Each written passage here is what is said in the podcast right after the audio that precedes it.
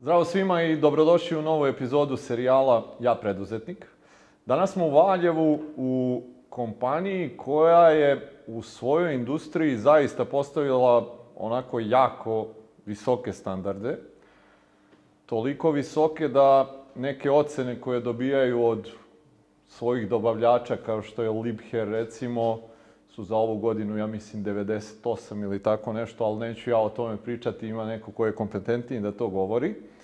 I razgovarat ćemo sa jednim mladim gospodinom koji je dve godine e, na čelu svoje porodične kompanije, koju je takođe pokrenuo njegov otac i koji su onako zajedničkim naporom uspeli da Eh, jedan jako izazovan period koji svaka kompanija ima, koji se tiče tranzicije sa prve na drugu generaciju, uspešno sprovedu. Tako da mi je veliko zadovoljstvo da vam predstavim e, Ivana Stojilkovića. Ivane, e, dobrodošao u serijal. Hvala ti na gostoprinstvu ovde kod tebe u kompaniji. Nisam rekao ni ime kompanije, ni šta se, čime se kompanija bavi, iz razloga što ćeš ti to mnogo bolje uraditi nego ja. Tako da, ovaj, evo za početak da nam predstaviš i sebe i kompaniju da čujemo šta je to čime se vi bavite. E, hvala na pozivu serija, veliko je zadovoljstvo i vidim da niko od doštadašnjih gostiju nije pohvalio tu tvoju neposrednost, direktnost i nonšalantnost. E, kako se otvaraju, otvaraju ti razgovori, kako se ulazi te dubine i tajne e, preduzetništva i borbe na ovim našim e, prostorima. Kompanija Urban Technics je relativno mlada kompanija koja se od 2003. godine nije bavila ovim što se sada bavi, bavila se prodajom, zastupništvom i servisom mašina za izradu PVC i aluminijske prozorske stolarije nemačkog renomiranog brenda Urban iz Memingena. E, to je sad odgovor na misteriju ka, zašto se firma zove Urban, sufiks je nebitan. Mm -hmm. A, 2006. godine dolaskom Gorenja, početkom izgradnje fabrike Gorenja u Valjevu, a, otac koji je inače tehnolog plastičar, polimerac po struci, vidi budućnost kompanije u pravcu proizvodnje ekstrudiranih plastičnih delova za potrebe kompanije Gorenje, a kasnije će se uspostaviti te industrije koja se zove popularno rasladna industrija ili ti home appliances industrija. 2008. godine definitivno se menja osnovna delatnost i prelazimo od 2003. godine sa 4 zaposlena do evo, 2020. godine preko 200 radnika i prvenstveno se bavimo proizvodnjom plastičnih delova postupom ekstruzije za opremanje frižidera.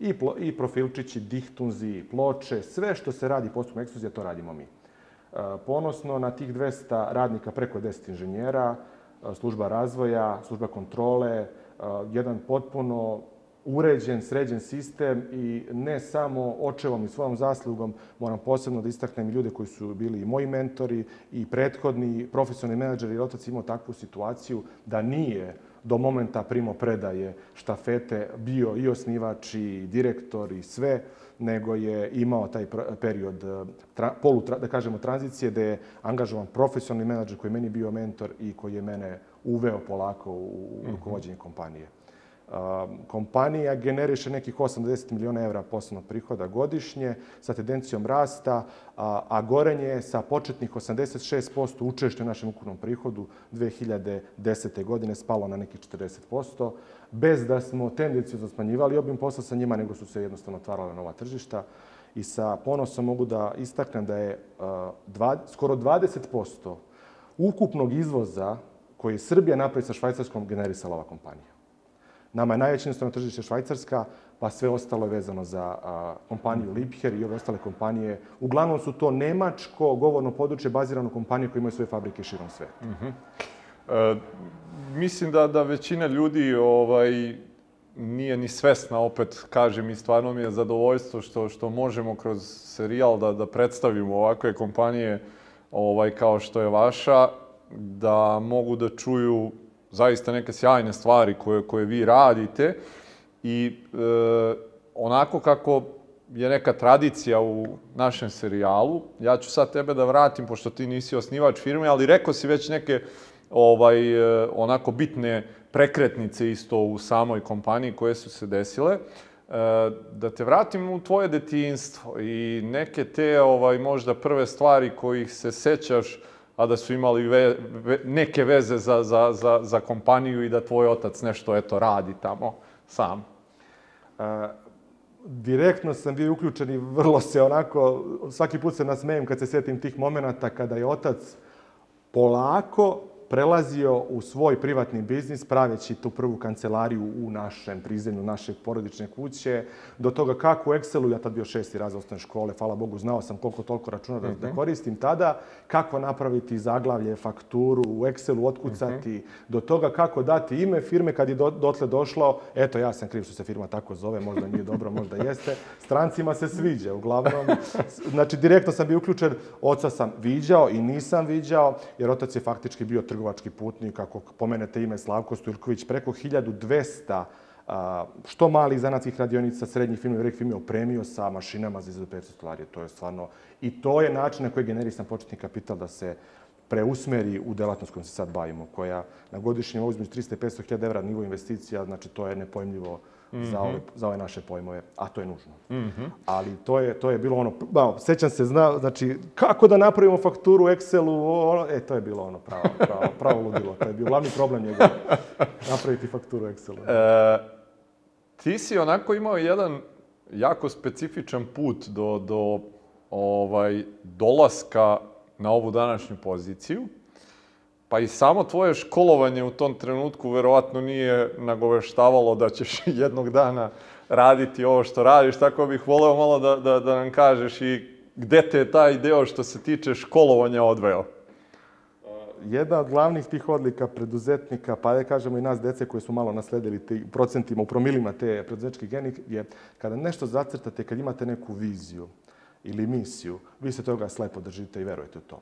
Ja sam verovao da će biti profesionalni violončelista, da ću svirati solo koncerte, da ću se baviti u domenu klasične muzike tim poslom.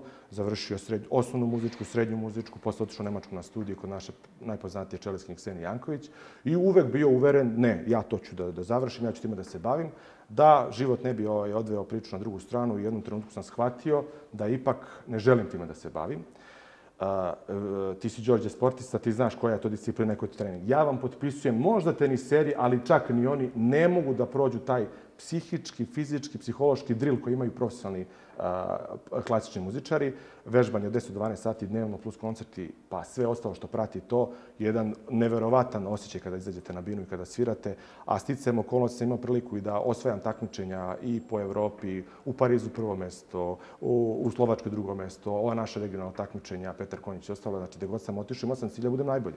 I to je nešto što me dovelo i ovde i kompaniju je izvelo na taj neki pobednički mentalitet, što ja to volim da kažem, ali sam shvatio ovde više ne može dalje.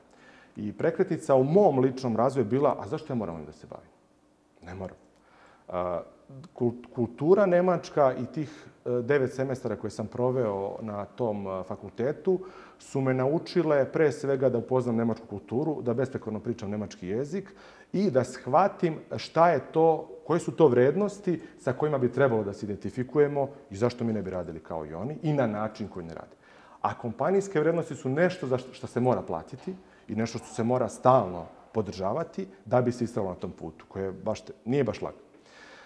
Onda, nakon tih e, studija, vraćam se u Valjevo sa željom da se posvetim porodičnom biznisu, ali ne odmah, nego sam upisao poslovnu školu u Valjevu, baš na, na, da bih se malo terminološki uh, a, menadžerski i na neke druge aspekte pojačao, pre svega da bih mogao da vladam terminologijom, bilansima i ostalo.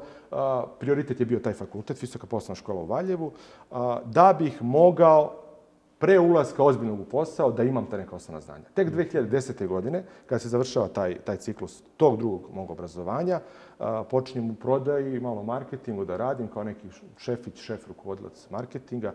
Nisam bio kao Andrija zamenik direktora, to sam imao privilegiju, ali sam a, a, odatle krenuo polako uzlaznom putanjom da sagledavam probleme unutar organizacije i na drugim nivoima, pošto sam onako znatiženje prirode, tehnologija me zanima, ta proizvodnja me zanima i taj vrste materijala koje mi prerađujemo, ali to i genetski malo predodređeno. Mm -hmm. I otac stalno prisustvo oca koji je govorio vrsta plastike, ova ona. da bi se samo znali koliko vrsta plastika postoji, ne znam bilo dobro.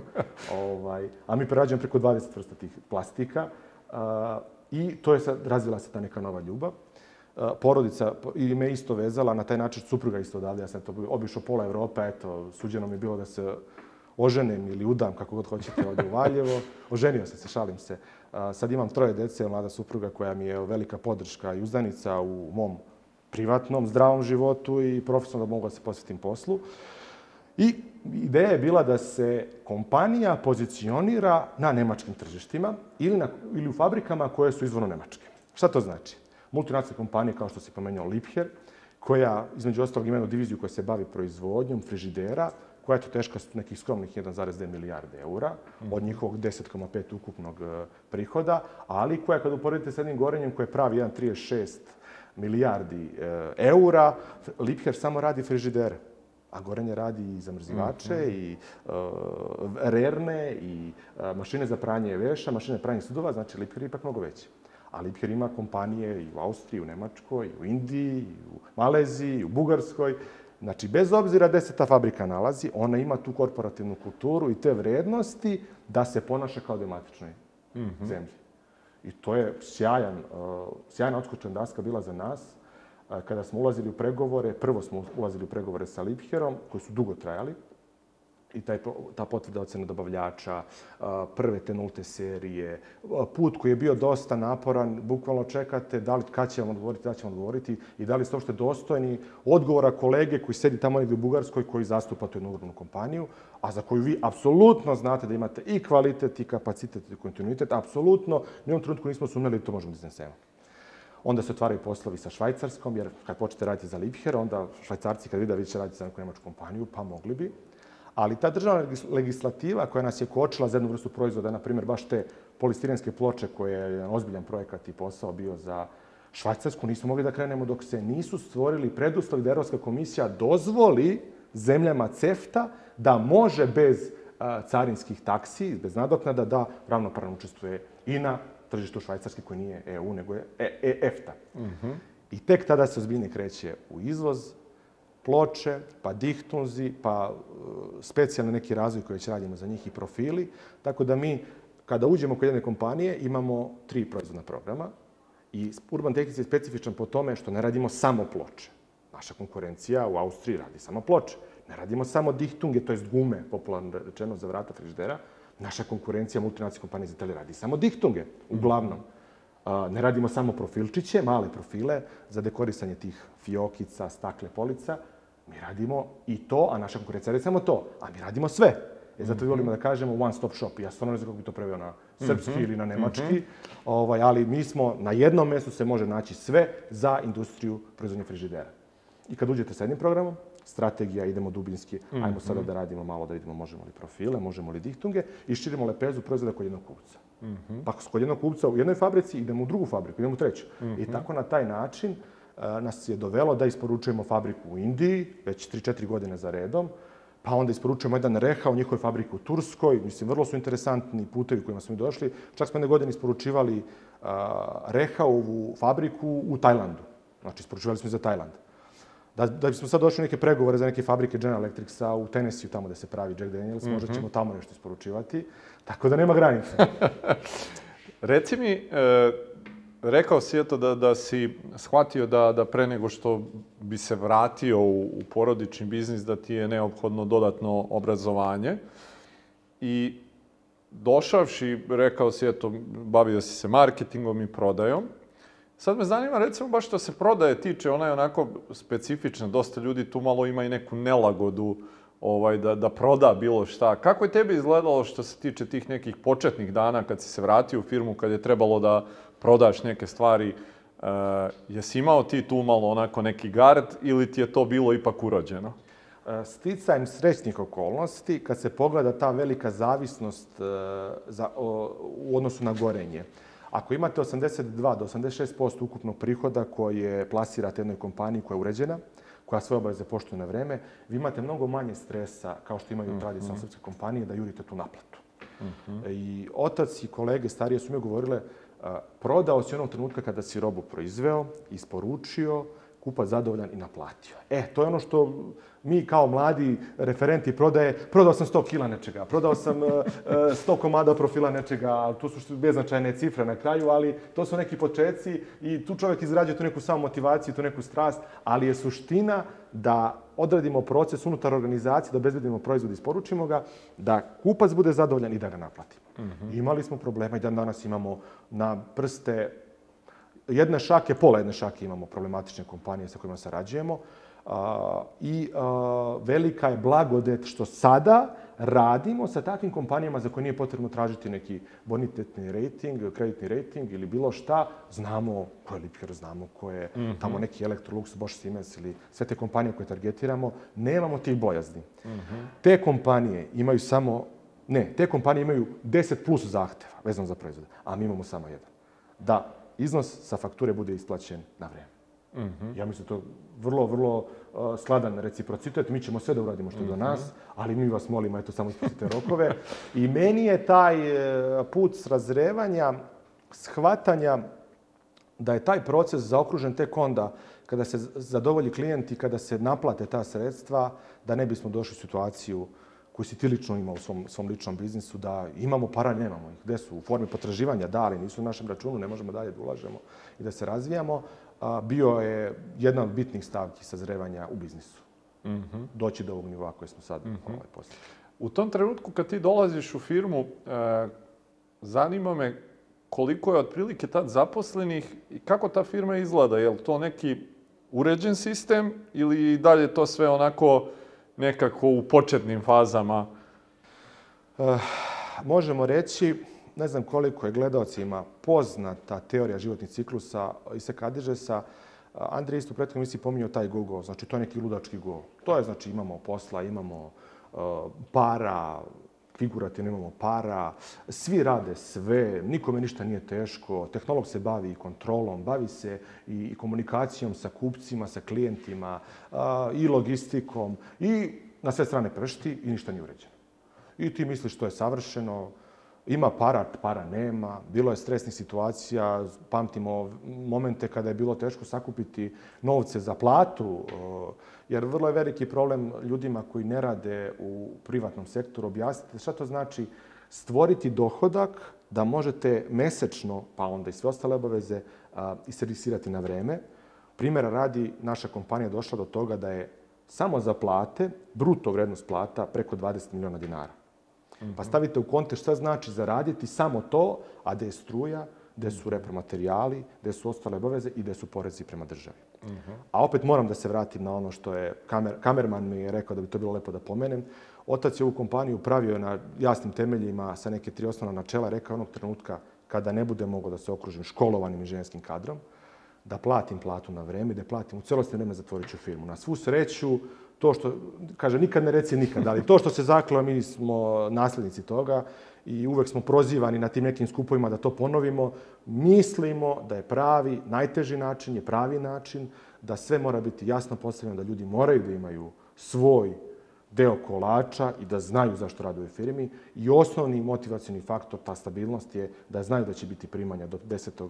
u mesecu, da oni znaju da ova firma ima perspektivu i da neće biti ostavljena na cedilu. Mm -hmm. To je kostur kičnog sistema. Ali da se vratimo na pitanje, totalni haos. Mm -hmm. Imali smo izučnog direktora, imali smo generalnog direktora, uh, moga oca koji je hteo sve i hteo odma, a to nije izvodljivo. Uh, prvo da se servisiraju potrebe klijenata, prvo da se uh, stvore preduslovi u proizvodnji, koliko to košta, kakve će to efekte doneti naknadno i kakva će biti povrat investicija, to su bile tabu teme. Finansijski leverage, koeficijent zaduženosti. Ko je znao šta je to? Ko je znao šta mhm. je klasa 5-6 u bilansu? Uspeha, taman posla. Mm. Tako da je baš bilo ovaj... Kad se javlja ta neka možda e, svest o tome da morate da menjate neke stvari? 2016. na 17. 2016. već Ali to je vrlo interesantno. 2016. godine Urban Tehnic imao nezapam, nezapamćene rezultate. Radili smo preko 10,5 miliona evra, to je za nas bilo nezapamćeno prihoda, radili smo preko 1000 tona nekog proizvoda za Lipher. Znači, tako su se kockice vremenom namestile da je fabrika jedna u Nemačkoj imala problema, pa smo mi radili, pa su se neke novi poslovi otvarali kod svih kupaca, ali sam ja tad shvatio i ono što često volim da e, se vraćam na to kada Isak kaže i kada vam je dobro, a vi ne znate zašto vam je dobro, to je veliki problem. Mm -hmm. A vi ne znate dakle, taj uspeh i taj generisani e, prihod došao, a niste ga isplanirali. Uf, to je bilo za mene ono. Znači, posle ove godine sigurno će biti mnogo teže godine. Bila je. U smislu nisu bili tako dobri rezultati, bili su pozitivni, sve bilo dobro, ali znate kad jedno napravite uspeh pa vi onda trasirate sledeći plan, početna, početni kamen je taj, pa idemo gradimo. Ne, ne, ne, ne. ne. Morate da sagledate realno potrebe tržišta, njihove forkaste i na osnovu toga onda planiramo organizaciju. Ja sam rekao, ovde bi ipak trebalo, već tada je bila firma poprilično diversifikovana u smislu imamo službe, imamo neke ljude koji obnašaju neke funkcije i koji su predviđeni da vode te neke službe. Neću da kažem sektore, nismo i toliko veliki da imamo sad po 10 ljudi u nekoj službi ili sektoru, ali da kažemo službe organizacije jedinice, razmišljam o toj nekoj organizacijoj šemi uh, i uh, shvatio sam da prvo ja hoću, da budem načisto šta je to što nama treba i upisujem taj adres sljedeći program dvogodišnji jer eh, konstantan pritisak moga oca, a kad će ti da preuzmeš, kad će te da preuzmeš, a ja nisam za to. Znam da nisam spreman za to i znam da dok me ne, buce, ne bace u vatu, neću ni znati da sam spreman, mm -hmm. ali sam hteo da imam još jedan vid, dodatni vid edukacije i tek kad sam završio taj dvogodišnji ciklus, u toj drugoj godini se radi taj uh, case study i organizacijona transformacija na nekom mentom primerku. Ok, sad, sam, sad su mi legle neke stvari, bile su mi jasne neke menadžerske alatke i rekao sam ok, ajde upuštamo se u to. Uh, do tog momenta nisam bio načisto da ću to moći da svarim taj zalogaj. A, I onda smo angažovali opet, kao i Andrija, samo malo sa zakašnjenjem iz Termomenta, a, konsultantsku kuću Adižes, u saradnji sa IBRD-om smo imali taj, taj postica svih sredstava i prošli ceo taj proces na, naše, na primjeru naše preduzeće, mm -hmm. koji je vrlo Jasno, doćemo i do njega, nego hoću da te zadržim još malo u tim e, prethodnim vremenima... Želimo što pre da ih zaboravimo. da, mislim da su te lekcije koje si ti naučio isto kroz ta vremena jako važne za ljude koji nas slušaju, da iz tvog nekog, recimo, ličnog iskustva čuju te neke stvari. I zato i baš hoću malo da te zadržim tu, da, da, da još, recimo, vidimo iz tvog ugla e, dolaska u kompaniju, e, početka rada u porodičnoj firmi, šta su neke stvari koje si ti u tim godinama morao da menjaš kod sebe? Druge, ali ne samo da ih slušam, nego da ih čujem. Uh mhm. -huh. Jer ja sam tako malo ekstrovertni tip osobe i volim da pričam i brzo pričam, to sam kopiran otac u, tom delu genetike a, i da shvatim da i kod sebe i kod sagovornika je vrlo opasna sujeta. To je jedan veliki problem. Prirodno nisam neka sujetna osoba, ni stvarno nemam problem sa sujetom, ali smo baš one probleme koje smo imali u momentu kad smo dolazili, puno je stvari bilo vezano i za neku ljudsku sujetu, ne, ne negirajući kvalitet ljudi koji su radili u rukovodećim pozicijama, ali svako misli da je u pravu i svako misli da je njegova ideja rešenja nekog problema ili vizije firme prava, a to može da odvede u čorsokak i da se stvara to nešto što sam posle saznao da se zove organizacijona kultura, mm -hmm. da se radi na tome, to, to, toliko jednostavno, i to može se sročiti na rečenici. Šta je cilj svake kompanije, svake organizacije?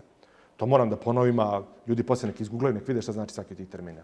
Stvoriti ili težiti organizaciji koja je kratkoročno i dugoročno efikasna i efektivna, a pritom stvarajući kulturu, organsku kulturu uzanog poštovanja i poverenja. Toliko mhm. jednostavno. A toliko, toliko stvari koje mora da se razdefinišu. Znači, krajnji cilj naš je bio, još uvek je stvoriti takvu organizacijsku kulturu, da se prvo poštujemo, izgrađujemo poverenje kod osobe sa kojom treba da sarađujemo.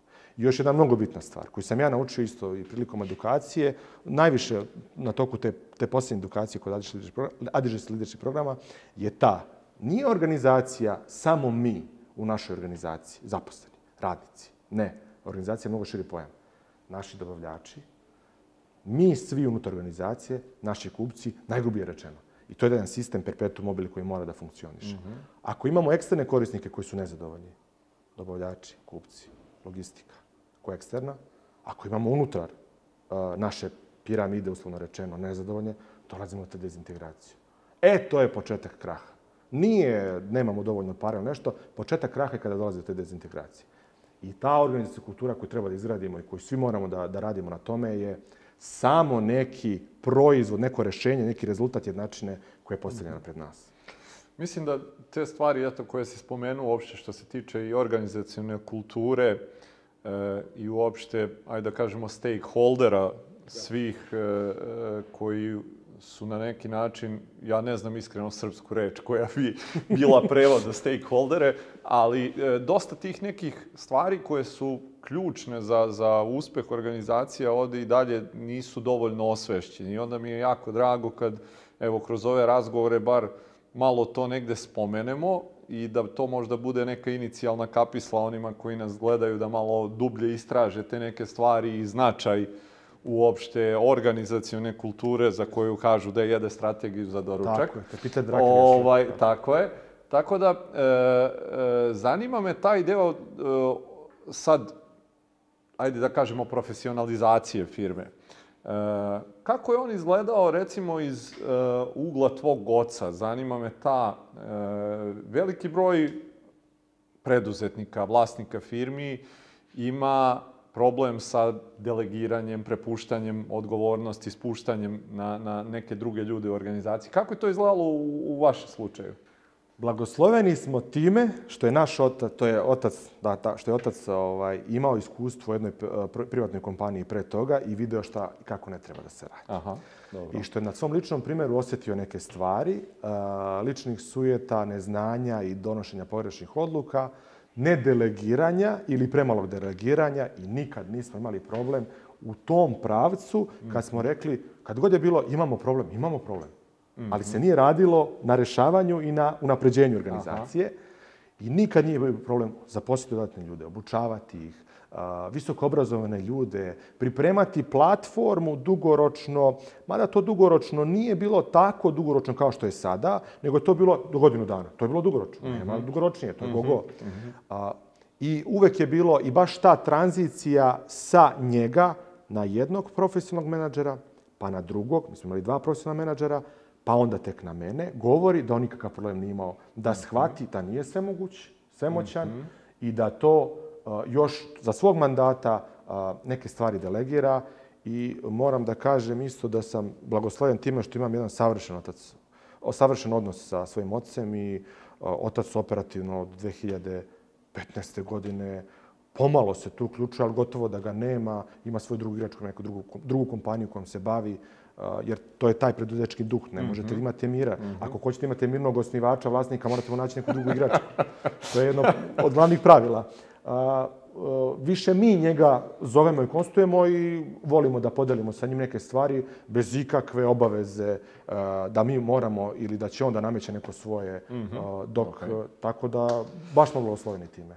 Mislim da je redak primjer osnivača. Da, sigurno. Ovaj, kako je onda sam taj proces, recimo, eto, spomenuo si da ste pre tvog preuzimanja rukovodđenja kompanijom imali dva profesionalna menadžera. E, kako je došlo do izbora tih ljudi ko će da, da preuzme? Kako je bilo uvođenje, recimo, isto zanima me njihovo na samu tu poziciju? Jesu to bili ljudi koji su već bili u kompaniji, pa koji su, aha, ako možeš malo to su, me... To su ljudi, prvi koji je bio je čovjek koji je radio na poziciji, e, da kažemo, izvršnog direktora, ali uh, nije imao funkciju generalnog direktora, ali u, u suštini mu je kompletno operativno uh, poslovanje bilo prepušteno. U jednom trenutku je imao i funkciju generalnog direktora, čovek koji je tehničke struke, koji apsolutno vlada materijom i vodi u velikim sistemima uh, pogone sa preko hiljadu ljudi mm -hmm. i mhm. koji je iznikao, da kažemo, iz naših redova mm -hmm. i tu je mhm. delegiran. Isto je tako i sa drugim a, mojim mentorom, koji je tehnički direktor trenutno u firmi i pre nego što je bio preuzeo funkciju direktora, ja volim da kažem direktora, nismo toliko velika kompanija, ali mora da bude jedna osoba koja stoji. 200 plus ljudi tako za naše je, uslove je daleko od malog. Formalno, tako da. pravno, svakako nek, jedna osoba mora da stane ispred toga i da odgovara za to što se dešava u kompaniji, a, koji je, ja sam isto stvarno bio blagosloven time što je taj čovek stvarno a, ima i širok, širok stepen a, tih a, opštih menadžerskih znanja, na stranu što je izuzetno tehnički potkovan i što razume i procese i isto je potekao iz tog jednog većeg sistema. Ono što je i kolega Cicman pričao, blagoslov je raditi u nekom velikom sistemu, pa vidjeti kako je to živjeti u jednom uređenom, uređenom sistemu, pa doći ovde, ali ja nisam nekog mišljenja da je to obavezno nužno. Mhm. Zavisi od osobe koja se prihvata mhm. posla i koja ima dovoljnu širinu koji ima dovoljnu širinu i dovoljno dometa da može da, da shvati mhm. neke stvari i da sam od takvih ljudi učio i kada sam počinio kao referent prodaje i posle kao, da kažemo, key account, e, vodio sam te glavne kupce i da mi je tehnički direktor sadašnji bio mentor ja i da danas je u mom timu, ja stvarno ne bih znao neke, mhm. puno stvari ne bih mogao bez tog mog uh, tima top managementa koji sad imamo. Godinama mi živi finanski direktor, isto čovjek koji je tu iz te garniture ljudi koji mm -hmm. pripremamo mu zamenu za dve godine do penziju, ali to su ljudi na koje se ja mhm. maksimalno mm -hmm. oslanjam. Mm -hmm. Jer suština nije jedan čovjek, suština je komplementarni siner tim. Taj tim koji ima funkciju jednog koji prati roku, jedno koji zna dobro tehnologiju, jedno koji daje rezultate, ne može organizacija da vodi jedan čovjek. To mora da bude jedan komplementarni tim. Mm -hmm. Različitih ljudi. Mm -hmm. Šta su bile neke stvari koje si ti e, morao da razvijaš kod sebe obzirom da e, je u jednom trenutku bilo očigledno da je neki krajnji cilj da ti u nekom trenutku preuzmeš kompaniju. Šta je to sve podrazumevalo od tebe? A, podrazumevalo je... A dodatno, dodatna edukacija, ne samo ono što smo objasnili da smo imali taj formalni deo kod Adižesa, nego konstantno čitanje literature, sa ljudima razmene iskustava, angažovanje tih konsultanata koji su na raznoraznim poljima radili, upoznavanje problematike kod svojih kupaca pa i dobavljača. Imao sam privilegiju da sam čak radio te turneje kod tih strateških dobavljača sirovina u Italiji, pa kad se napravi turneja, obiđu se svi ti najveći, najveći dobavljači. Evo, primjera radim mi mesečno izdvojimo 500 do 700 hiljada eura za repromaterijale na mesečnom nivou. Mislim, to su ozbiljne cifre. Uh -hmm. a, I a, iskustva tih kompanija i tih ljudi koji su u direktnom kontaktu sa vama, jer opet nisu to sve velike multinacionalne kompanije od kojih mi kupujemo. Imate i porodičnih preduzeća kao što smo mi. Uglavnom su to srednje firme koje slične probleme imaju. Mm -hmm. I onda vidite da to nije uh, lokalni problem, lo problem lokalnog karaktera, već univerzalna problematika. Mm -hmm. I svi mi volimo da kažemo se specifični, da smo uh, bogom dani za neke stvari, ali svi manje više imamo iste probleme, samo ih možda drugačije terminološki određujemo. A, I u kontaktu sa kupcima koji imaju određene očekivanja. Pa treba standard, pa treba a, te, taj proces proizvodnje od repromaterijala do gotovog proizvoda imati neku sledljivost, pa treba imati taj neki održiv kvalitet, pa šta to znači? To je jedan put. -hmm. I meni je stvarno značilo što sam se u procesu resertifikacija sistema upravljanja kvalitetom, ljudi uglavnom taj QMS, taj sistem upravljanja kvalitetom doživljavaju kao mrtvi papir na zidu. Ne, kod nas je od 2006. najzahtevnija SGS kuća Švajcarska to uvodila i dan danas je tu, zato sam vrlo ponosan. I kada smo radili tu prvu resertifikaciju, da sam direktno bio uključen 2015. godine, od, i na tim ključnim dokumentima i lično učestvovao, neke lično radio, mora top management i moraju ljudi koji donose odluke da budu uključeni u ceo taj sistem koji mora posle da podrži i realno funkcionisanje preduzeća. Nije QMS smrtno slovo na papiru. To je osnovni fundament na kome, na kome dalje gradimo, ali je previše nekih stvari koje se podvode pod to, e, pa moramo da zadovoljimo standarde, moramo da zadovoljimo. I moramo da napravimo sistem koji pre svega odgovara onome što stoji iza imena Urban Technics ili nekog drugog, da bude dovoljno jednostavan, kratak, koncizan, a da pritom zadovolja zahtjeve standarda. Uh mhm. -huh. To je suština. I na tome da gradimo. Uh mhm. -huh. e, kad i ko odlučuje o tome da je trenutak da si ti dovoljno sazreo da e, preuzmeš rukovođenje? Moj mentor, moj otac i ja. Uh mhm. -huh. Vrlo jednostavno. U trenutku kad se donosi ta odluka, ima li kod tebe malo straha i sumnje da li ćeš moći da... Ne. Onog trenutka kad sam završio prvu godinu uh, Adjures Leadership programa, to je bila 2018. Uh, to je bila da, kraj 2017. a druga godina 2018. godine. Znači već su negde na polovini druge godine gde prolazimo case study je baš to što će nas da čeka organizacija transformacija. Mm -hmm. Ja sam bio prvo potpuno šokiran kad se ide šta je misija Jer nas u školi uče, to, se, to je jedna rečenica, pa mission, vision, statement, pa kakvi, to nema veze s mozgom. Misija je osnovni upravljač dokumentativne organizacije. I na četiri formatu ima se strukturu. Pozivam se da pogledaju na sajt Urban Technics kako to izgleda misija. To je jedan strateški dokument koji trasira put organizacije na pet godina.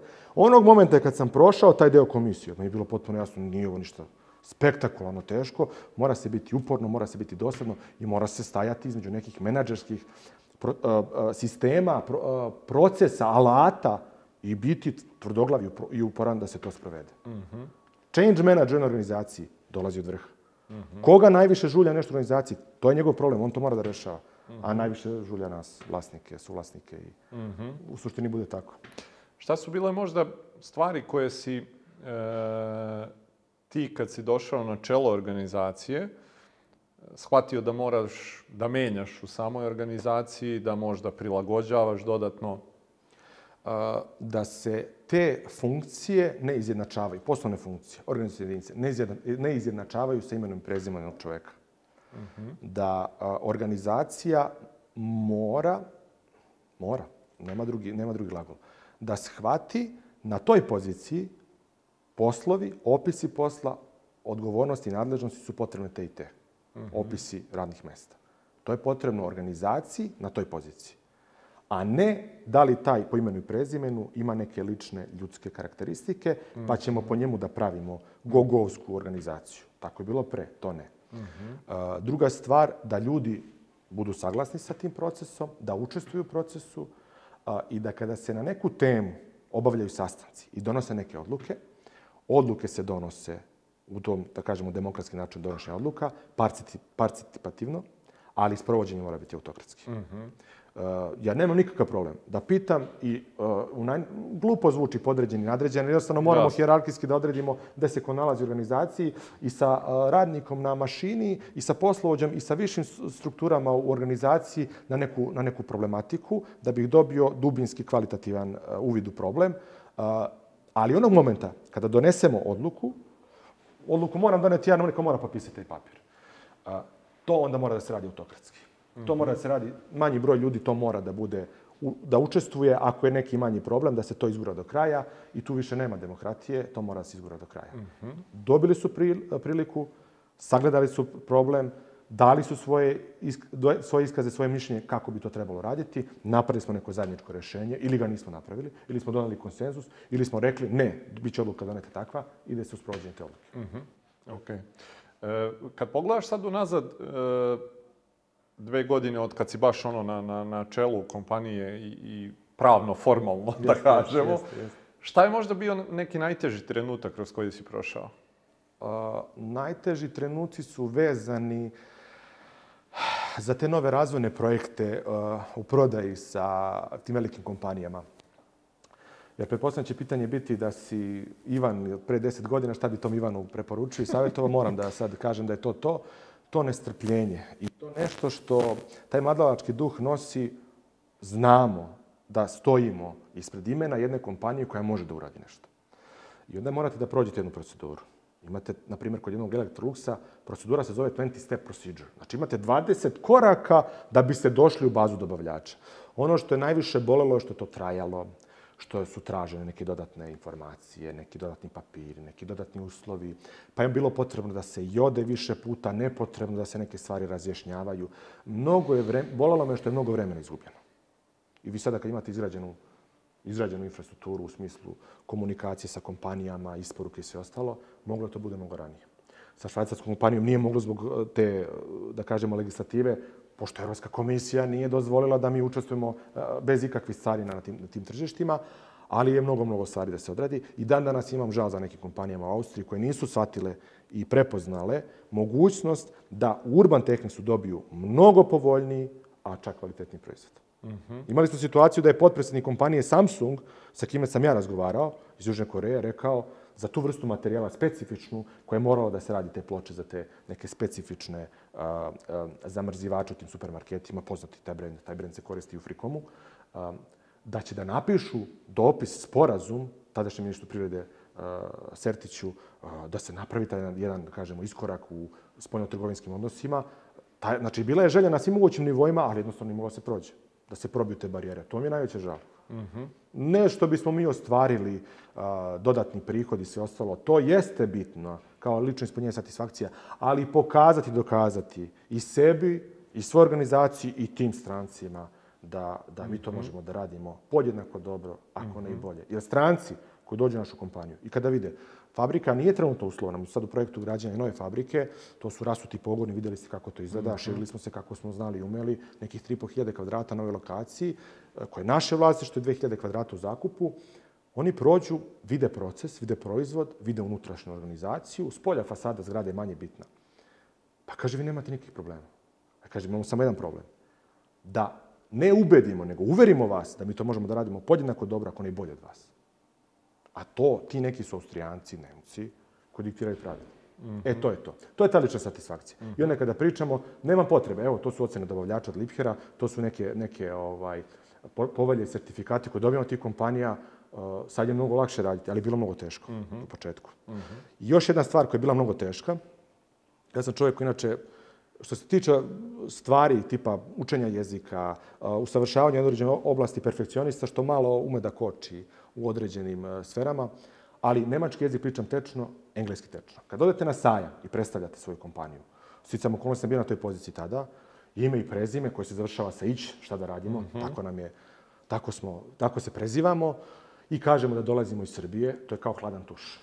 Mm -hmm. Koji mhm. polijete hladnu kofu vode, koji polijete po tog nekog Austrijanca, Nemca i samo vidite u promjenu govoru tela da je to potpuno drugi, drugi, drugi govor tela. Ali sada, kada kažemo da radimo za tu i tu kompaniju, da imamo taj taj projekat iza nas, te reference i da su te kompanije dale preporuku iz Urban Technics, sada oni traže nas. Mm -hmm.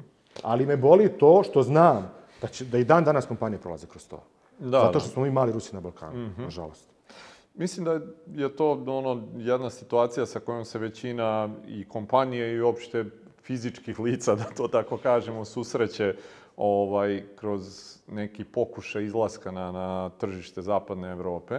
I baš mi je drago onako što si ti to potelio, ovaj, e, da, da ljudi shvate da to nije samo njihov slučaj, da svi imamo te izazove, ali isto tako da je te izazove moguće prevazići i da jednom kad ih, kao što si ti rekao, prevaziđete, onda dosta to otvara put i nove mogućnosti za rast kompanije i da se svakako taj trud koji ulažeš da prevaziđeš sve te prepreke u jednom trenutku i isplati kao i za sve ostalo, znači Tako što je. se tiče kad Tako. govorimo o razvoju firme. E, kad pogledaš, možda eto to, to najuži tvoj tim ljudi sa kojima radiš.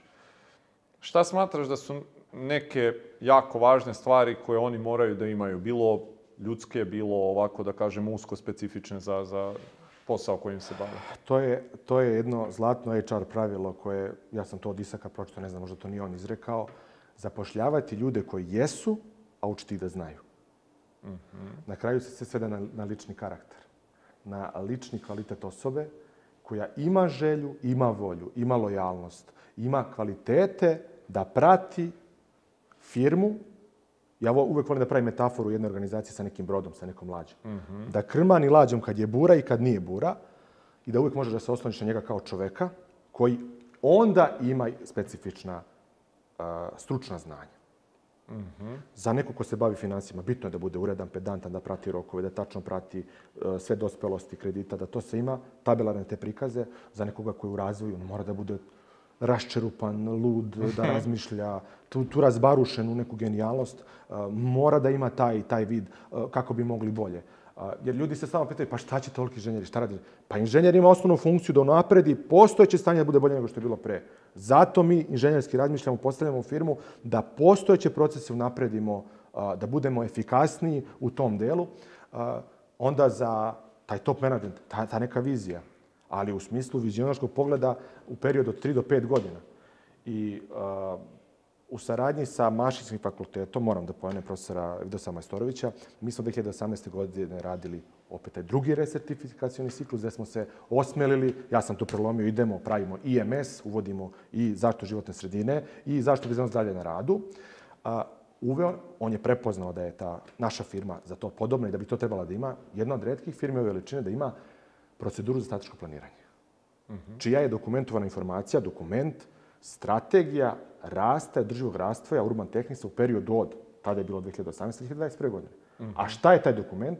To je biznis plan plus još nešto, gde se sve projekcije prihoda, rashoda, investicije, programa planira a, u tom periodu. Šta mislite koliko je vremena ta strategija držala vodu? Mesec dana. Posle mesec dana su se stvari drastično promenile. Mm -hmm.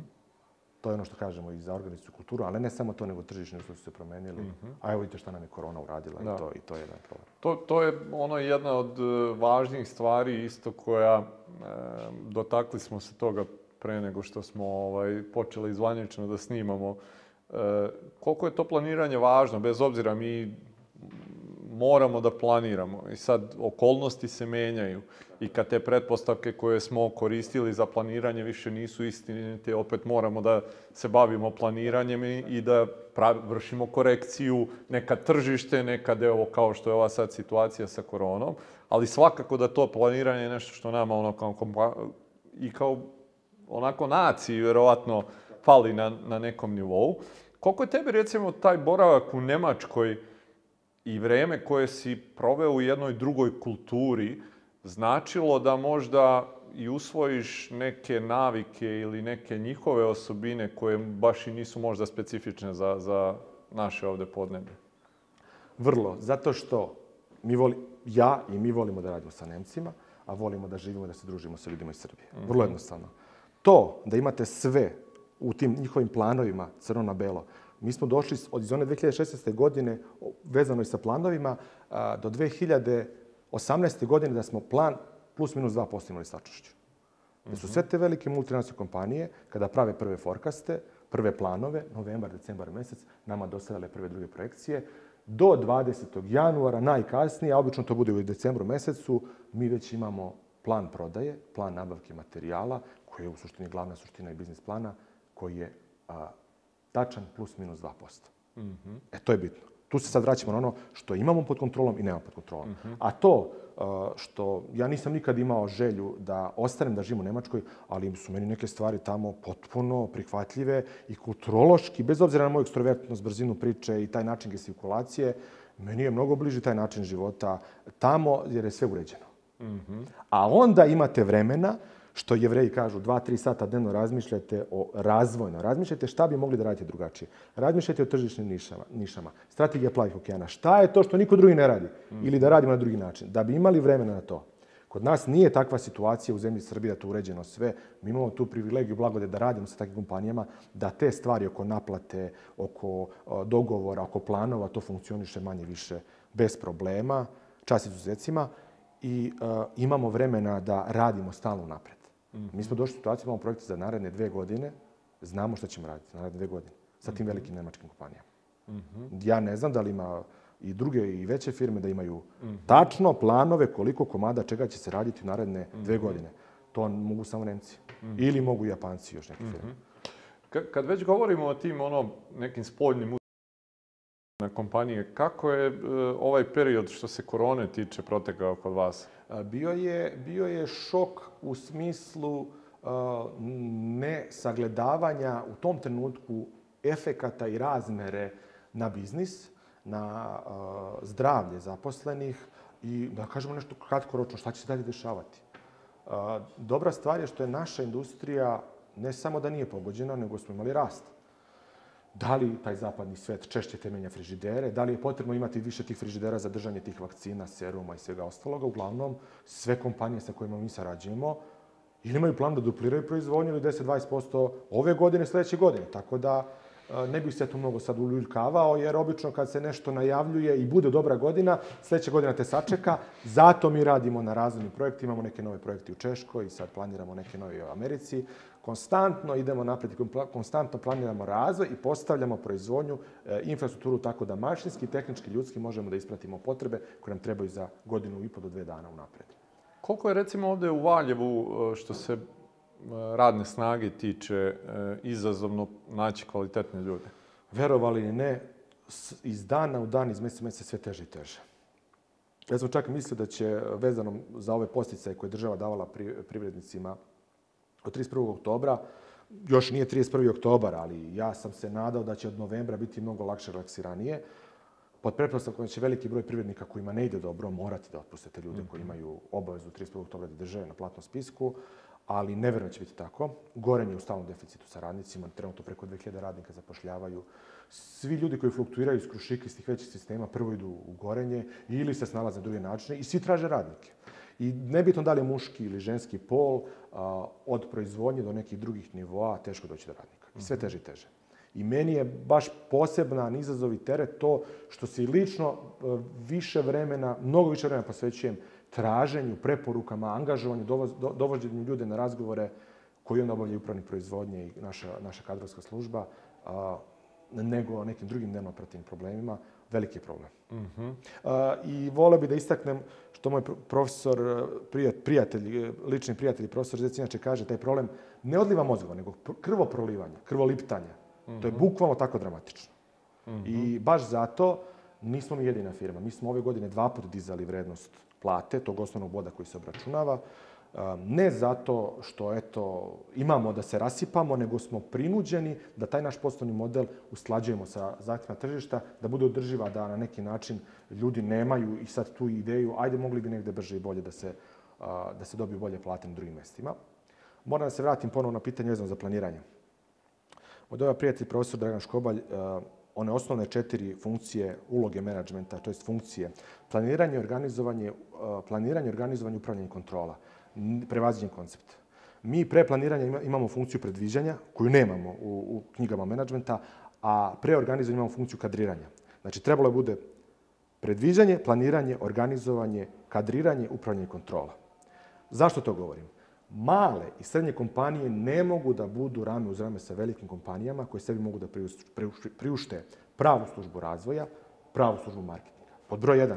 I pravu službu HR-a, ali ne HR administracije, nego HR developmenta, razvoja hr I zato to moram posebno da istaknem, nije moguće u 95% firmi to realizovati uh, i nije moguće da takve kompanije budu rame uz rame sa kompanijom koja radi istu tu vrstu proizvoda, uh, da dugoročno bude mm -hmm. konkurenta. To mm -hmm. sam mhm. morao da istaknem jer tu sam par puta to čuo, stalno se ponavljaju te četiri funkcije, prevaziđen model. Mm -hmm. Kad govorimo o razvoju što se tvog ličnog razvoja tiče. Kako on danas izgleda i šta smatraš da su neke stvari na kojima ćeš morati ti lično da radiš u narednom periodu dve, tri godine, da bi sva ta neka planiranja i projekcije koje imate, rasta, e, mogla da se i ostvare u praksi?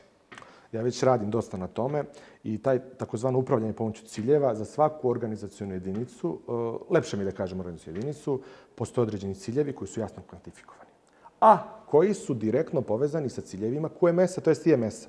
Nećemo i da pravimo dve paralelne strukture, dve paralelne forme. Sve to što je jasno potrebno organizaciji, apsolutno ima potrebe da stoji i u tim dokumentima. E, da se ljudi koji su odgovorni nosioci tih organizacijenih jedinica sa svojim po tačno mogu da isprate zadatke koji su kvantifikovani brojčano, da se poveća i efektivnost i efikasnost organizacije, jer to je ono što organizaciju podiže na viši nivo, stvara veći stepen zadovoljstva kod samih zaposlenih, kod stakeholdera i svih zainteresovanih strana.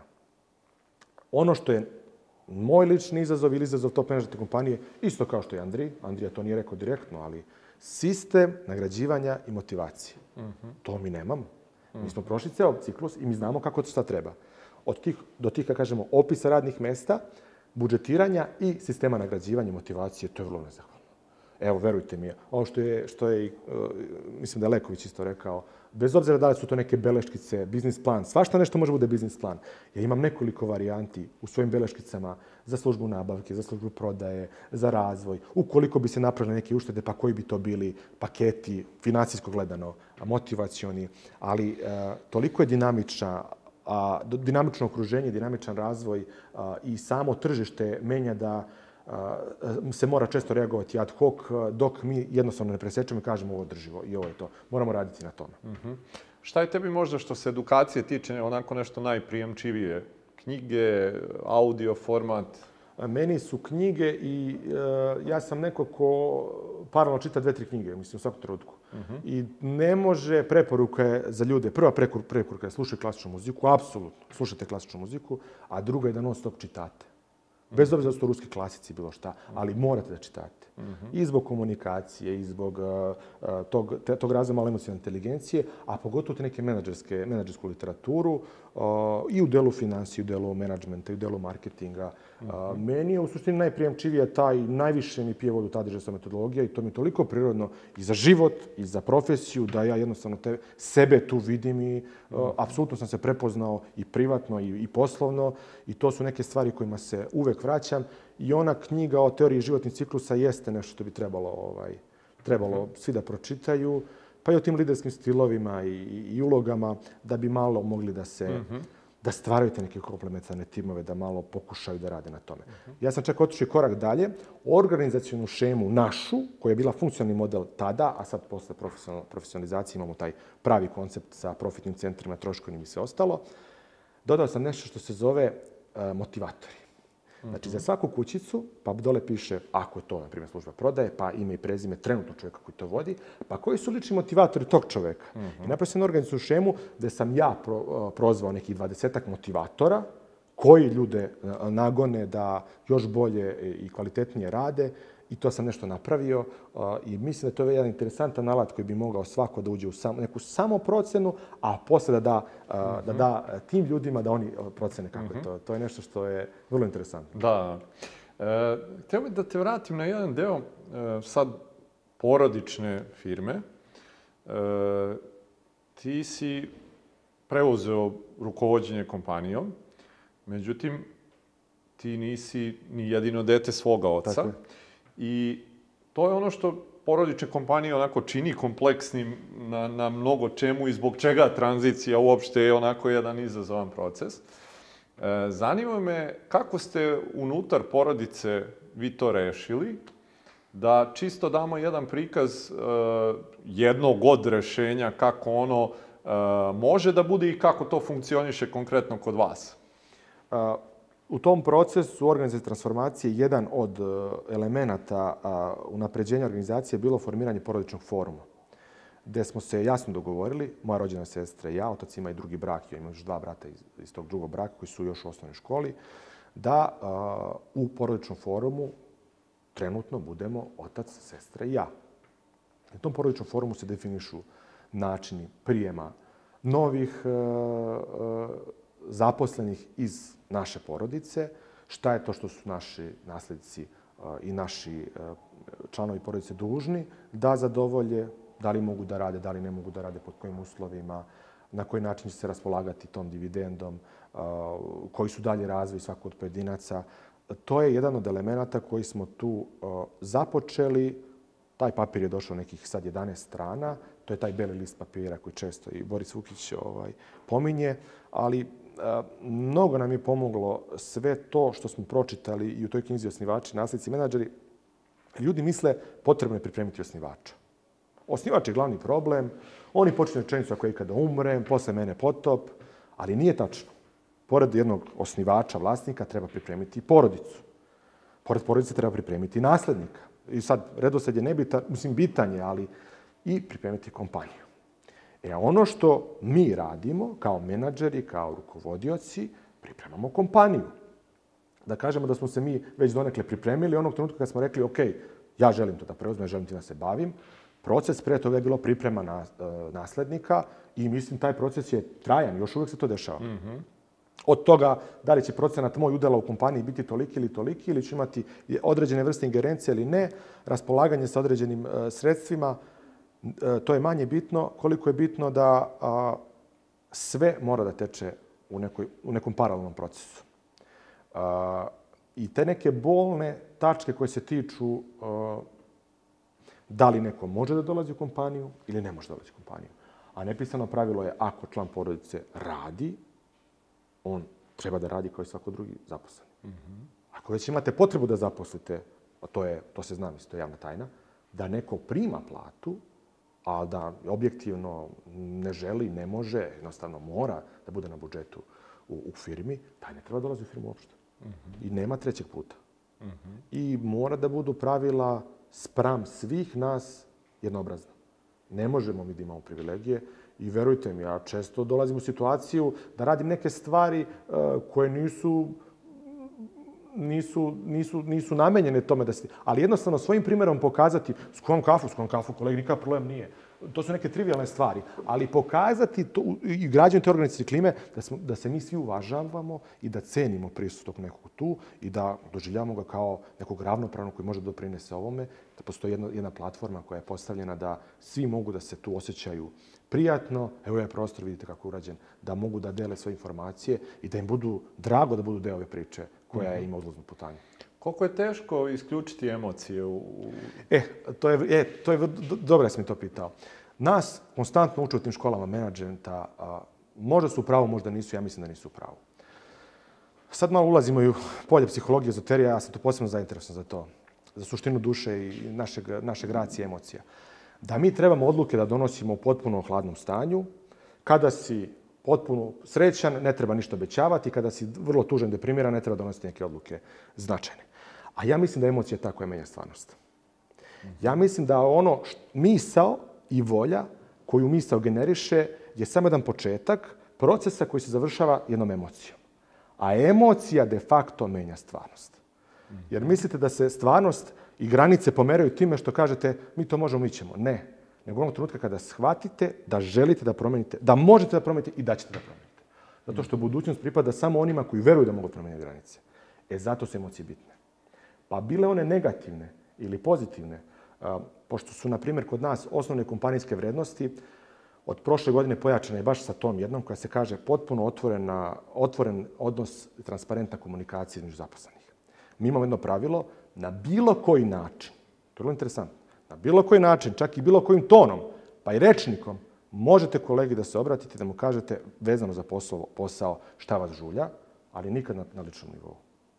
I ta negativna emocija u datom trenutku jasno demistifikuje osobu i kaže to je ta osoba. Njegova suštinska potreba je da se taj problem reši. On ima taj problem. I ako je doveden u to stanje, kada je trpeo, trpeo, trpeo, gura problem na tepih, došlo do te neke erupcije, ok, videli smo, to je čovjek od krvi i mesa koji ima problem komu je treba pomoći. E, kada se takvi problemi prevaziđu, mi rastemo organizacijonu kulturu mm -hmm. i rastemo kao organizacija. Mm -hmm. To je mnogo bitno. Kod tebe lično, kad donosiš odluku, pretpostavljam da emocija isto igra važnu ulogu pored te neke analize.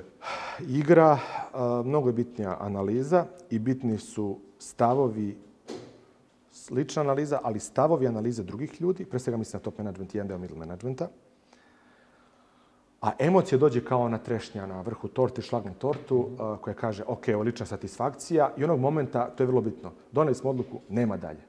Nema dalje. I to ljudi treba da znaju. A, kada menadžer donese neku odluku, pogotovo za middle management i za ljude koji gledaju, koji su u nekoj hjerarhiji blizu tome, nemojte preispitivati tu odluku, nemojte mu gurati prst u oko, to je samo kontraproduktivno, svašta može da se desiti.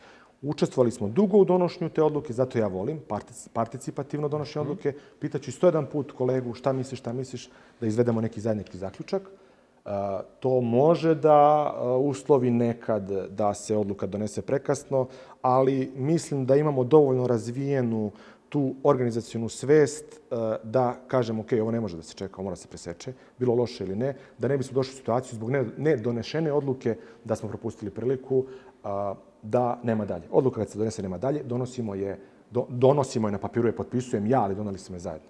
Mm -hmm. U većini slučajeva. Mm -hmm. Kad sam te pitao, jesi imao neki strah kad si preuzeo firmu, onako izričito si rekao ne. Ne. E, ima li nekih strahova danas bilo koje vrste?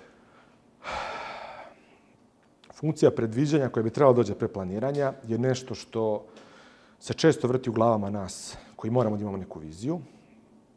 U kom pracu dalje ići? Da li je proces automatizacije, koji jeste, budućnost, pričamo o industriji 4.0, a nismo savladali gradivo iz industrije 3.0, jeste pametne tehnologije, eh, transhumanizam. Eh, mene plaše te stvari koje su vezane za taj Internet of Things – to je internet stvari, da ćemo doći u situaciju da ćemo deo procesa verovatno morati podeliti sa veštačkom inteligencijom, nešto na šta nećete moći da u svakom aspektu utičete. I prebojavam se da će, pribojavam se da će ta doza humanosti, ovog živog odnosa, jer sa koliko god velikom kompanijom da sedite nasuprot, ona gleda vas u oči. Prvi čovek neke kompanije ili tim ljudi neke kompanije gleda vas i vaš tim u oči, u momentu pre potpisivanja ugovora, da ga pogledate u oči, da potpuno razložno sa, sa nogama na zemlji kažete ja to mogu da uradim. Mm -hmm. To je nešto što... Poverenje, vraćamo se na poverenje.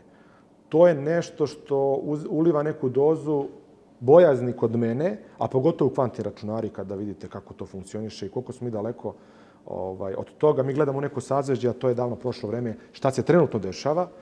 A, nešto što se plašim da ćemo možda Ako previše integrišemo firmu na taj način, doći u problem, a e, i ako ne odreagujemo na vreme, doći u problem. A, I ono što a, a, bi trebalo da bude strah. Strah je loša emocija, strah nije nije dobra emocija. Ali da kažemo neka, neka pozitivna opreznost, gde gledati iznad dvorišta svog drveta i šume, u kom pravcu će dalje. Stano gledati u kom pravcu će dalje. Mi svake godine, svake druge godine, ali ne u ciklusu dužem od dve godine, uvodimo neku novu tehnologiju. Bazna tehnologija jeste ekstruzija, ali imate dodatne dorade, imate koekstruziju, imate tampo štampu, imate hot stamping, imate svašta nešto što povećava dodatnu vrednost proizvoda. Mm -hmm. I cilj je sa zero margin ekonomije, zero margin strategije doći do te dodate vrednosti da ćete moći da generišete neto dobit. Jeste brutalno i nije sentimentalno, pričamo o dobiti, ali da bi kompanija imala ekonomsku opravdanost postojanja, ona mora da generiše dobit. Mm -hmm. Ne pričamo o prihodu, pričamo mm -hmm. o mhm. dobiti da to bude 5, 6, 7, 8, 10, 12, da idemo u viši stepen dorade, viši stepen automatizacije, ali i paralelno viši stepen zadovoljstva rada ove kompanije. Mm -hmm. To je to. Kad pogledamo onako sa strane e, vođenje kompanije koje ima onako preko 200 zaposlenih, povećava i određeni pritisak koji odluke donose. Uh, Postoji li tog pritiska kod tebe i kako se boriš sa tim? pritisak pokušavam i pritisak da delegiram ispod sebe. Kao što je određene odluke vezano za to i pritisak e, neke odluke. E, pritisak postoji e, u smislu deficita kadrova za neke tekuće, tekuće operativne probleme, zapošljavanje pogona, želje da se brže ulazi u neke nove programe, I onda je uvek pritisak da li lestvicu i kriterijum prijema radnika moramo smanjivati i koliko moramo smanjivati e, i da li će to da naštedi dugoročno e, organizacije. Jer sistem je tako postavljen, e, najveći deo radnika je proizvod, su proizvodni radnici, mi smo proizvodna kompanija.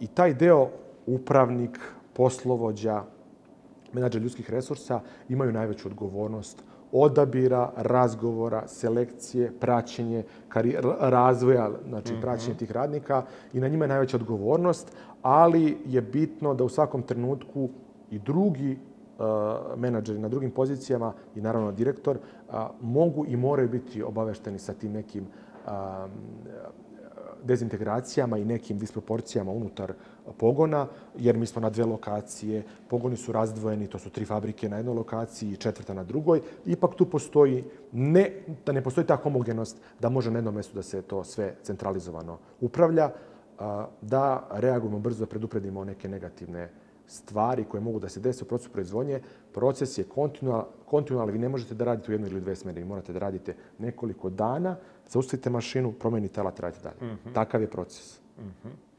Jel e, možda neka danas uzmeš e, čelo da... da...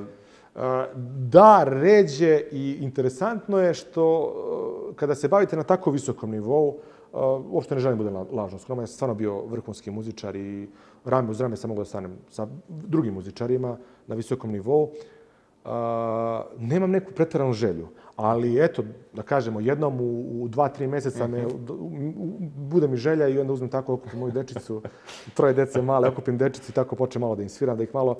I konstantno ih pokušam da ih okružim to klasičnom muzikom i pred spavanje i sve ostalo, jer veliko je bombardovanje sa nekvalitetnim sadržajem i te frekvencije, to vrlo... Ta, ta, velika je buka, velika je buka u okruženju, ne može čovjek da, da, da raščisti buku u glavi, da bi mogao da čuje sebe i svoje mhm. misli oko sebe, a kamoli sve ostalo. Tako da da. Mm -hmm. Ne tako često, ali da. Dobro.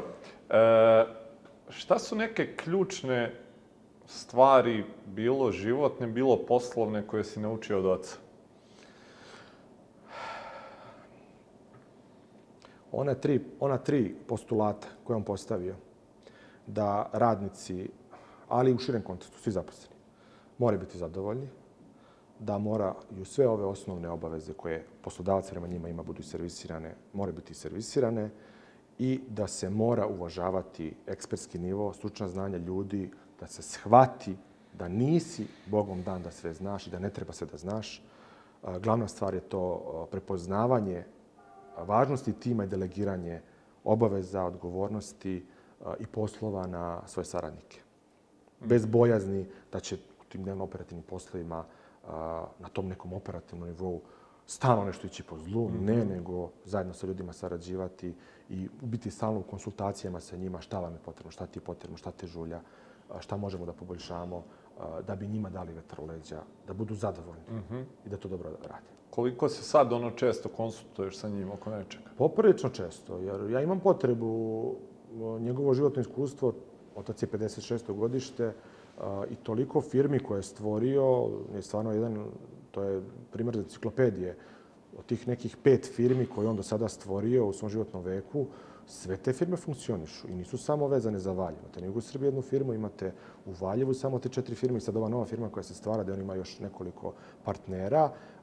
To je jedno veliko i bogato životno iskustvo i kao men, kao, da kažemo, zaposleni u, drugim privat, u drugoj privatnoj kompaniji, kao samozaposleni, kao te trgovački putnik i, i, i, i početci prodaje tih mašina i posle kao vlasnik nečega što postaje jedna ozbiljna zverka mm -hmm. i, mhm. i u polju investicija i dalje poslovanja, da a, zadržite tu ljudskost, prisebnost, prizemnost i bez trunke. Znači, ta, on ne, uopšte nema trunku sujete. Ili da kažemo u promilima, to je za mene stvarno raritet. Mm -hmm. I mhm. stvarno mi je drago što sam okružen tom njegovom energijom i ta neka nevjerovatna energija. On ima toliko energije i toliko više energije nego ja, priznajem, što je bilo potrebno da se, organiz... da se kompanija napravi i pitanje, ne verujem da bi ikad mogao da napravim tako nešto kao što je napravio, ali sam e, baš sticam okolnosti e, dobar za osad što, što, što mhm. treba da radi. Rekao si da možda smatraš tu da ti ne bi bio taj koji bi imao energije da napravi ovo sve, ali ako bi ipak možda morao da daš neke savete ljudima koji bi da pokrenu svoje firme, e, ili su tu na nekim početcima, šta smatraš da su možda neki saveti koje bi im dao? Da, ako stvarno veruju u svoju ideju, u svoju viziju, ideju, ako su zaljubljeni u nju, da se malo pokonsultuju sa ljudima koji su njima dragi, bitni, u koje imaju neko poverenje. Jer često je ta faza odvaranja vrlo nezahvalna u toj životnoj, u fazi životnim ciklusima, što niko drugi to ne svata kao vi. Uh mhm. -huh. I niko drugi to ne vidi kao vi. Uh mhm. -huh. Kaže, pa to će da krene po zlu, ovo će da krene po zlu, pa to ne može, pa to ne može.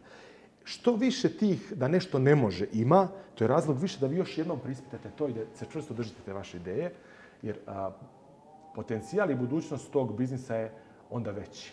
Ako se on realizuje, mnogo manje ljudi razmišlja na taj način. Mm -hmm. I vaša ideja je baš po tome specifična, posebna i imate veće šanse da se diferencirate.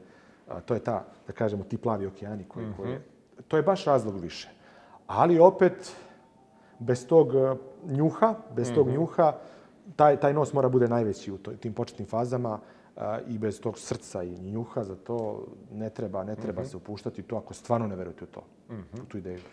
A, sledeća neka faza koju si ti prošao je vezana za tu profesionalizaciju firme i tranziciju. Šta bi bili neki saveti e, za one ljude koji Pa bilo sad da, da su svesni da, da, da, da li su u tom trenutku da, da treba da to radi ili ne, ali šta iz tog nekog iskustva e, koje ste vi prošli sa, sa vašom firmom, šta su neke stvari koje bi im onako savjetovao prijateljski?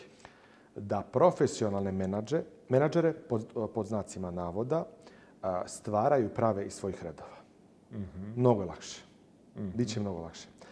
Ako, su, ako se osjećaju dobro u svojoj koži, ne bi ja to ništa menjao. Mm -hmm. Ako smo nekom ludačkom go go imamo 40 plus godina, 30 plus godina, 50 plus godina, imamo tu životnu energiju i snagu, apsolutno ne, ne, ne da pada im na kraj pameti, nemojte da razmišljati o tome. Mm -hmm. Ali uvek u malom mozgu imajte na umu, može da se desi, na da nekom autoputu sutra vas pokupi neko da vas posle nema, i kolika je odgovornost za taj broj porodica koji zbog vašeg nečinjenja i neshvatanja problema ostavljate iza sebe, od svoje porodice lično, mada velika većina je, da kažemo, svi su se oni manje više situirali, imaju kapital, ali bez obzira, taj stres i ta situacija je nešto što niko ne bi želeo nikome da, da, da, da, da poželi, a kamoli svojoj porodici, svojoj deci i svojim zaposlenima, jer zaposleni u, u jednoj kompaniji su vaša druga porodica. Mm -hmm. I ja uvek kažem za mog oca, moj otac nema uh, četvoro dece. On ima pet, šest, sedam dece. Sedmoro dece. Ta kompa, Urban Tex i dalje njegovo dete. Tamo neke druge firme su dalje njegovo dete. Mm -hmm. Da se na vreme počnu interesovati za literaturu. Ne pričamo mi svi ovo bez veze Andrija Perović je jedan od baš reprezentativnih primera kako je to trebalo proći i kako, kojim pravcem treba jedna pri, pri, e, privatna e, kompanija srednje veličine da ide. Pre ili kasnije dolazite u problem. Dolazite u nešto što se zove osnivačeva zamka. Ako ste na tom putu ka adolescenciji, teško ćete moći bez konsultantske pomoći da prođete taj put, a pogotovo teško ako vi niste malo prošli nekih obuka, neke školice, mhm. neke literature, malo porazgovarali s nekim ljudima, postoje ljudi koji to mogu da rade. E, pretpostavljam da i, i ti, Đorđe, to isto na taj, na taj način radiš sa svojim klijentima. A, plašim se da vrlo brzo dolazi vreme da nećemo imati rešenje za tranziciju sa prve na drugu generaciju i da smo već zakasnili. Mm -hmm. Za veliku većinu kompanija.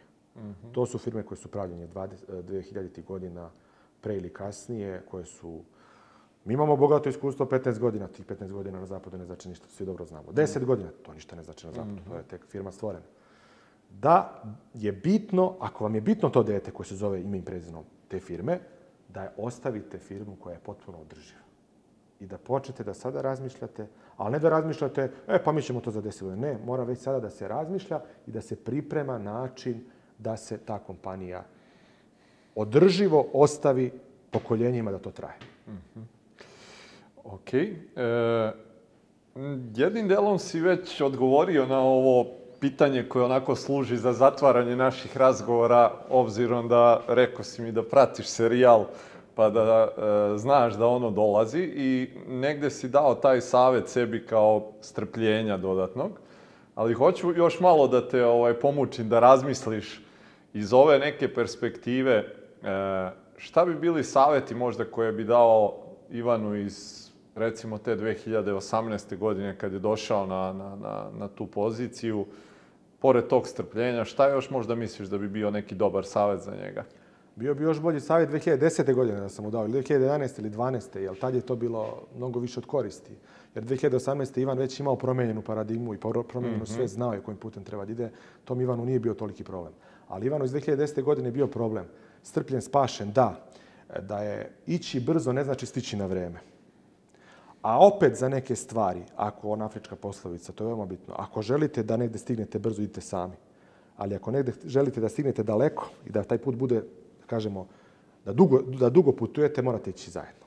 Mm -hmm. Da imate tu dozu, da Ivan ima tu dozu uh, uh, strpljenja za sebe, a pre svega za druge, i da mnogo više sluša, da mnogo više čuje u tom, u tom, u tom konstruktu slušanja, razmene komunikaciji, da mnogo više čuje nego što daje. Mm. Mogu je da bude još bolji, još kvalitetniji i čovek i menadžer sada. Ivan, iz koje godine bi poslušao taj savet? Iz 2018 godine, ali onaj, ali onaj iz 2010. nikako ne. Sve sad i odmah, da, da, da. da. Da. Ok, Ivane, stvarno hvala ti puno na, na, na ovom razgovoru danas koji smo imali. Dotakli smo se mnogo značajnih tema i stvarno mi je drago kad imam priliku ovako da, da i predstavimo uh, jednog mladog čoveka koji je dosta zreliji nego uh, za eto, svoje 30. godine u Jeste. kojima je još. Uh, zadovoljstvo da smo mogli da prikažemo kompaniju koja je na svetskom nivou, inače da, da nije, uh, E, ne bi radila sve ovo što radi i pored tih nekih stvari koje se tiču eto, i, i, i proizvodnje i toga što je neki vaš kor posao, te neke, mislim, nisu propratne stvari, ali nešto što je sastavni deo života jednog preduzeća i tranzicije i svega koje ste vi odradili, a koje većina firmi ovde još uvek nije ni osvestila, E, stvarno vam želim da, da u budućnosti nastavite ovako, mislim da ne treba tu, Bog zna šta puno da se menja, da ti ovaj, isto nastaviš u, u, u svom razvoju kao što si i do sad radio, a siguran sam da će tako biti, to se vidi i u tvojim očima. Ovaj, tako da stvarno vam želim puno uspeha i hvala još jednom na gostoprimstvu ovde kod vas. Hvala i vama i da ostaneš tako prirodan, nonšalantan i tako neposredan i sa ostalim ko, sagovornicima, e, to stvarno znači. Ok, hvala ti puno, hvala i vama što ste ponovo bili sa nama. Vidimo se sledeće nedelje. Prijatno.